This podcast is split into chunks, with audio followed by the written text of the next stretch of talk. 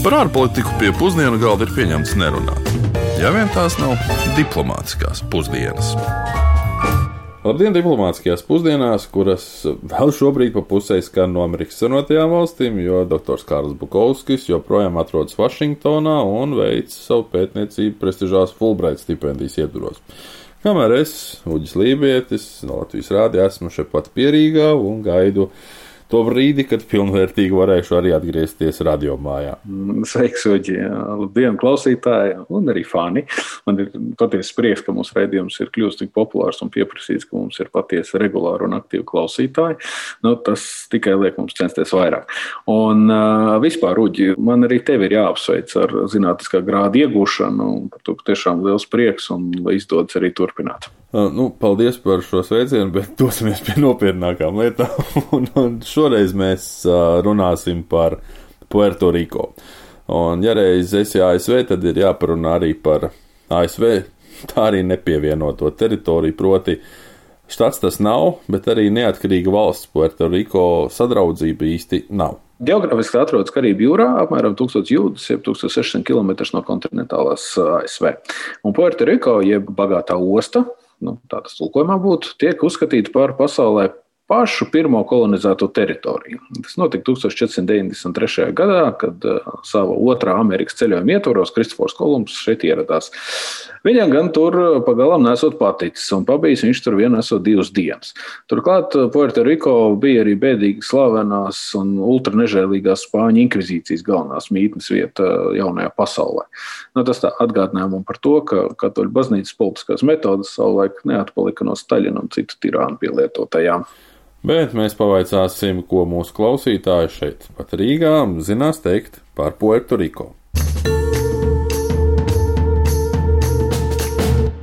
Ar ko jums saistās Puerto Rico? Ar karstām dejām. Neko es nezinu, ar, ne ar ko baigi. Ar siltumu, karstumu un diezgan lielu siestu un jautrību. No nu, ar atpūtu vairāk, es domāju. Jā. Tas pats būs ar atpūtu vairāk ceļošanu. Kaut kas ļoti tāls no šejienes, eksotisks. Ar rumu, cigāriem, tas arī viss. Turistu pilsēta, vieta, jā, kur cilvēkiem patīk braukt. Eksotika priekš mums, bet būtībā kaut kur tās ir saknes mūsu. Kaut kas eksotisks, neiropisks, varbūt viens no kaut kādiem galamērķiem ceļojumam. Politiski man liekas, tur nav stabils. Puertoriko sala ir apdzīvota jau gadsimtiem, un pirms spāņu ierašanās un pastāvīgās apmešanās kopš 1508. gada tur dzīvoja Amerikas aborigēni jeb pamatiedzīvotāji Taino tauta. Četru gadsimtu laikā viņi tika nu, gandrīz vai iznīcināti, un paralēli tika ievesti arī vergi no Āfrikas. Bet mūsdienās 3,1 miljonu lielo iedzīvotāju kopumu pamatā veido Eiropiešu rases pārstāvi, kamēr aptuveni 15% ir afrikāņu izcelsmes un ap 8% ir dažādi pamatiedzīvotāju grupu pārstāvi. Bet gandrīz visi gan viņi tiek klasificēti kā latīnos, un jāpiebilst, 85% ir katoļi. Puertoriko kopš 1898. gada ir politiski piederīga Amerikas Savienotajām valstīm. Puertoriko iedzīvotāji ir arī ASV pilsoņi kopš 1917. gada. ASV prezidenta vēlēšanās gan viņi nedrīkst balsot, kamēr nav pārcēlušies uz pastāvīgu dzīvi uz kādu no šā brīža 50 ASV štatiem. Puertoriko arī lieto, protams, ASV dolāru kā savu naudu, daudz citas saiknes, bet eh, šeit eh, mēdz saukt arī spāņu valodā par eh, peso. Man liekas, peso vienkārši ir kā naudas apzīmējums daudzās vietās. Bet valsts arī atsevišķi no ASV piedalās Olimpiskajās spēlēs un citos starptautiskos pasākumos. Nu, starp citu, mēs jau arī savulaik esam pieminējuši, ka nu, viens no veiksmīgākajiem starptautiskiem pasākumiem ir Miss Universe, kurā Puerto Rico pārstāvis ir uzvarējušas piecas reizes. Bet, uh, lai padarītu Puerto Rico politiskā statusa situāciju vēl sarežģītāku, tad pieminēsim, ka kopš 2006. gada Puertoriko iedzīvotājiem un to bērniem ir arī Puertoriko pilsonība. Jā, nu, bet vienlaicīgi šī gadsimta laikā iezīmējas divas tendences. Viens, ka Puertoriko arhipelāga iedzīvotājiem ar vien vairāk aptaujās un referendumos noskaņojums sāks liekties par labu pilnvērtīgai dalībai Amerikas Savienotajās valstīs, kā jaunam štatam.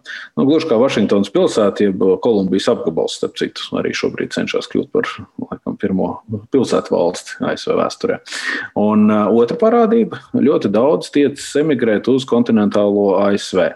Starp citu, par labu emigrēšanas izvēlei bija arī 2017. gadā notikusi piektās kategorijas viesuļvētra nosaukuma Marija. Tā bija vēsturiski spēcīgākā viesuļvētra, kas bija skārus salas un burtiski noslaucīja Puertoriko mājas, elektrības stabus un citu infrastruktūru ar vēja ātrumu. Vietām pat 280 km/h.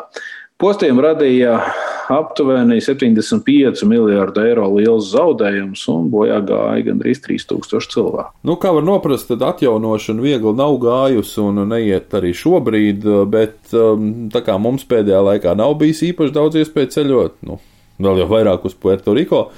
Mēs vēlējāmies uzzināt, kā tur sokas, un vēlējāmies uzzināt no kāda, kurš tur ir bijis vien pirms dažiem mēnešiem un kuram pašam arī ir puertorikāņu asinis.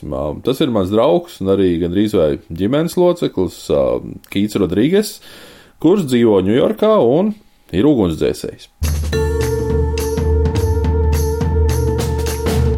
Actually, went there about two and a half to three months after the hurricane. Patiesībā es biju Puertoriko divus vai trīs mēnešus pēc šīs viesuļvētras, un toreiz ļoti daudziem cilvēkiem pilsētās bija jātaupa ūdens. Plastikāta ūdens rezervāri bija uz māju jumtiem, un ūdeni piegādāja īpašs uzņēmums. Ja ūdens beidzās, pagāja dienas, līdz tika atvesti papildinājumi. Es atceros, ka arī maniem radiem, pie kuriem es viesojos, beidzās ūdens, un es pat nevarēju nomazgāties, atgriežoties no pludmales. Taču man, protams, bija vairāk jādomā par savu ģimeni un to, kā viņi jūtas. Mēs it kā esam daļa no Savienoto valstu sadraudzības, taču, manuprāt, ASV nepalīdz tik daudz, cik gribētos, un tas ir skumīgi.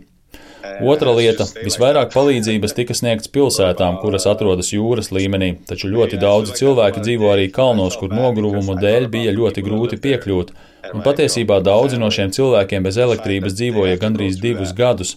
Daudzi par to nerunā un šos cilvēkus pat īsti nepamana. Tā kā es uz Puerto Rico braucu diezgan regulāri, es pamanīju, ka pēc viesuļvētras cilvēki ar sliktiem nodomiem izmantoja iespēju nopelnīt naudu. Tā piemēram, daži politiķi vietējā valdībā sāka piesavināties finansiālo palīdzību, ko piešķīra Savienotās valstis, un izmantot to citiem mērķiem. Arī saņemtie palīdzības sūtījumi, ūdens un pārtika bieži vien tika slēpti, lai pēc tam tos pārdotu. Taču patiesība drīz nāca gaismā, un šiem šiem cilvēkiem nācās vai nu atkāpties no amata, vai arī saskarties ar grūtiem brīžiem savā amatā. Šādu visai tumšu darījumu dēļ arī cilvēkos radās neapmierinātība un sākās nemieri. Bija ļoti sāpīgi redzēt, ka tu vairs nevari uzticēties saviem cilvēkiem, kurus esam ievēlējuši. Vēl kāda lieta - daudzas no Puerto Riko valdības amatpersonām šajā laikā saņem algas pielikumu. Pilsētu vai pašvaldību iestāžu darbinieku algas tiek samazinātas, daudzi cilvēki tiek atlaisti, lai no iegūtajiem līdzekļiem varētu pacelt algas varas pārstāvjiem. Arī tas cilvēkus pamudina uz protestiem jo patiesībā nav nekas daudz izdarīts, lai dzīve kļūtu pieejamāka. Gāze un elektrība ir ļoti dārgas, un bieži vien maksājums par jauno automašīnu mēnesī ir zemāks nekā elektrības un gāzes rēķins. Ja jums nav laba darba, jūs Puerto Rico esat ļoti, ļoti nabadzīgs. Daudzi domā, ka tikai tāpēc, ka Puerto Rico ir daļa no ASV, cilvēki daudz nopelna, bet man brīžiem pat gribas salīdzināt Puerto Rico ar Kubu. The country is recovering for sure. Kopumā valsts atkopjas gan pēc viesuļvētras, gan pēc nesenajām zemestrīcēm, un piekrastē notiek aktīva celtniecība. Mēs bijām arī kalnos, un es redzēju, ka ceļi ir noteikti kļuvuši labāki, un tas nozīmē, ka jābūt pieejai arī elektroapgādei. Viss tiek darīts, lai valsti padarītu pievilcīgāku turismam. Var teikt, ka sala ir paveikusi ļoti daudz un ir daudz labākā situācijā. Covid? Tas ir nedaudz cits stāsts. Uzņēmumiem bija grūti, bet es redzēju, ka tie ir dzīvi. Kad es tur biju, spēkā joprojām bija komandanta stunda, lai vismaz kaut kā regulētu milzīgo turistu pieplūdumu.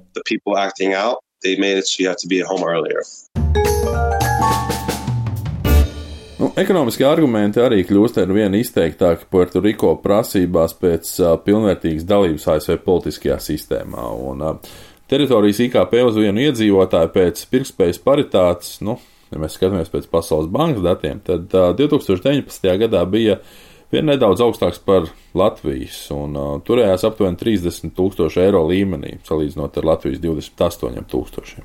Bet šis uh, rādītājs Puertoriko tāpat ir par trešdaļu mazāks nekā kontinentālajā ASV. Un uh, šī ekonomiskā situācija ir skaidrojama ar to, ka gadu desmitiem ASV kompānijas izmantoja Puertoriko labvēlīgāko nodokļu režīmu, līdz tas tika apturēts gadus 15 atpakaļ. Un uh, vēl bez viesuļvētrām izaicinājums rada arī naftas cenu celšanās, jo Puertoriko elektrību ražo no degvielas. Un, protams, jau minētā iedzīvotāja pārcelšanās uz ASV arī, protams, ekonomikai labumu nesniedz.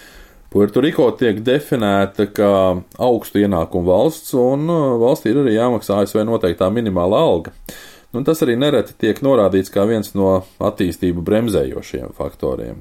Bet uh, Puertoriko aktīvi piesaista turistu plūsmas, un salas ik gadu apmeklē vairāk turistu nekā tur uz vietas ir iedzīvotāji. Un uh, ražošanas rādītāji tradicionāli arī ir augsti, un arī preču eksports veido vairāk kā pusi no teritorijas ieņēmumiem. Vienlaikus gan jāsaka, ka teritorija ir tomēr ļoti atkarīga no ASV, un uh, nu, pastāv arī viedoklis, ka suverenitātes apstākļos tā ekonomiski nebūtu īpaši veiksmīga. Nu jā, nu gal galā šim, šim labs piemērs arī ir fakts, ka Puertoriko pašai nav jāuztur savs karaspēks. Nu, tas ir ASV karaspēks, kas atrodas. Un, starp citu, pasaulē pirmās uh, kodola zemūdens, nav tilus peldējums, bija tieši uz Puertoriko galvaspilsētu San Juan. Tas notika 1955. gadā, un peldējums sākās Connecticut štatā New Londonas pilsētā. Nu, bet, ja jau tu sāki runāt par jūras lietām, tad es vien pieminēšu, ka Puertoriko ir arī savs, nu, ja tā var teikt, Robins Huds uz jūras. Tas ir uh, Roberto Koreisi, jeb El Pirata Koreisi, un, uh, nu, vismaz mīts un leģenda par bagātnieku aplaupīšanu un atdošanu nabadzīgajiem joprojām ir saglabājies gan dziesmās, gan dzējoļos, stāstos, filmās un pat pilsētu nosaukumos, nu, bet patiesība jau ir ļoti vienkārša. Pirāts ir un paliek pirāts. Lai cik būtu paēdis, vienmēr ir vieta arī desertam. Šodien desertā mums būtu jāparunā par šķīviem. Nu, es vairāk biju domājis, ka varētu šādā tuvojoties siltam laikam parunāt par piņa kolādu kokteļu izcelsmes vietu. Protams, tā ir Puertoriko. Nu, vai arī nedaudz papildināt stāstu par Rūmu, ko mēs aizsākām jau Kubas raidījumā. Un toreiz mēs teicām, ka Bakārdī Rūmu kompānijas izcelsmes vieta ir Kuba, bet kompānijas galvenās mītnes vieta ir Bahamas salas. Nu, zemo nodokļu dēļ. Bet patiesībā 85% no Bakārdī Rūmu ražošanas notiek tieši Puerto Rico, kur ir mazāk standartizēts un arī regulēts rūmu izgatavošanas process. Proti, tieši rūma nogatavināšanas process. Bet varbūt tomēr par šķīviem arī varam pieminēt. Kas tev ar tiem šķīviem ir? nu, tu, nu kā, nu, Puerto Rico šobrīd atrodas otrs pasaulē lielākais šķīvis. Un šī gal galā ir deserta sadaļa. Šķīva diametrs ir 305 metri. Un no 1963. gada, kad tas tika uzbūvēts līdz 2016. gada jūlijam, tas bija pasaulē pats lielākais un jūtīgākais šķīvis. Ļoti savdabīgi. Nu, jā, nu runa, protams, ir par Arečibo observatorijas teleskopu, kurš ilgstoši kalpoja par zinātnisko centru un tehnoloģisko brīnumu, ko izmantoja gan atmosfēras zinātnē, gan radioastronomijā, gan arī radarastronomijā. Vienkāršāk izsakoties, šis ASV valdības aģentūrai NFS NSF piedarošais eh, rīks ļāva noteikt asteroīdu tuvošanos zemeslodē. Un 2020. gada 1. decembrī nu, pusgadu atpakaļ. Pirms to paspēja salabot, tostarp arī pēc viesuļvētras Marija nodarītajiem bojājumiem, tas sabruka, kad trosēs pakārtā mērierīce ietriecās šķīvī un pilnībā to sabojāja. Nu, internetā var redzēt diezgan dramatiskas bildes, kā tas izskatās. Jā, dramatiskas beigas tik vērienīgam tehnoloģiskam veidojumam, nu, bet vismaz ķīniešu 500 metru lielais šķīvis tagad esot pieejams zinātniekiem visā pasaulē. Starp citu, runājot tieši par Arečīvo teleskopu, tad uh, arī mēs kā vienmēr piesaucam kādu filmu, un arī šis te teleskops ir bijusi filmu zvaigzne. Nu, piemēram, vienā no James Bonda sērijām, 95. gadā uzņemtajā Goldeneye. Nē, nu šis ir zaudēts resurss, bet tā mēdz notikt. Resursi ir jātaupa un jāsargā, jo tiem ir tendence izsīkt vai nolietoties. Ar šo domu prātā arī nākamajā nedēļā sezonas pirms pēdējā raidījumā dosimies uz Āfrikas kontinentu atpakaļ, uz konkrēti Kongo Demokrātisko republiku un parunāsim par unikālu derīgo izrakteņu nozīmi valsts politiskajā un ekonomiskajā dzīvē. Bet līdz tam lai nu viss izdodas. Vēl tikai pieminēšu, ka raidījumu varat klausīties Latvijas radio mājaslapā, portālā LSM un jūsu iecienītajās mūzikas un audio stāstu straumēšanas platformās. Šo raidījumu veido dr. Kārls Bokovskis no šobrīd vēl Džona Hopkins Universitātes ASV un Uģis Lībijams no Latvijas radio. Uz sadzirdēšanos! Diplomātiskās pusdienas katru otrdienu pusdienos Latvijas Radio 1.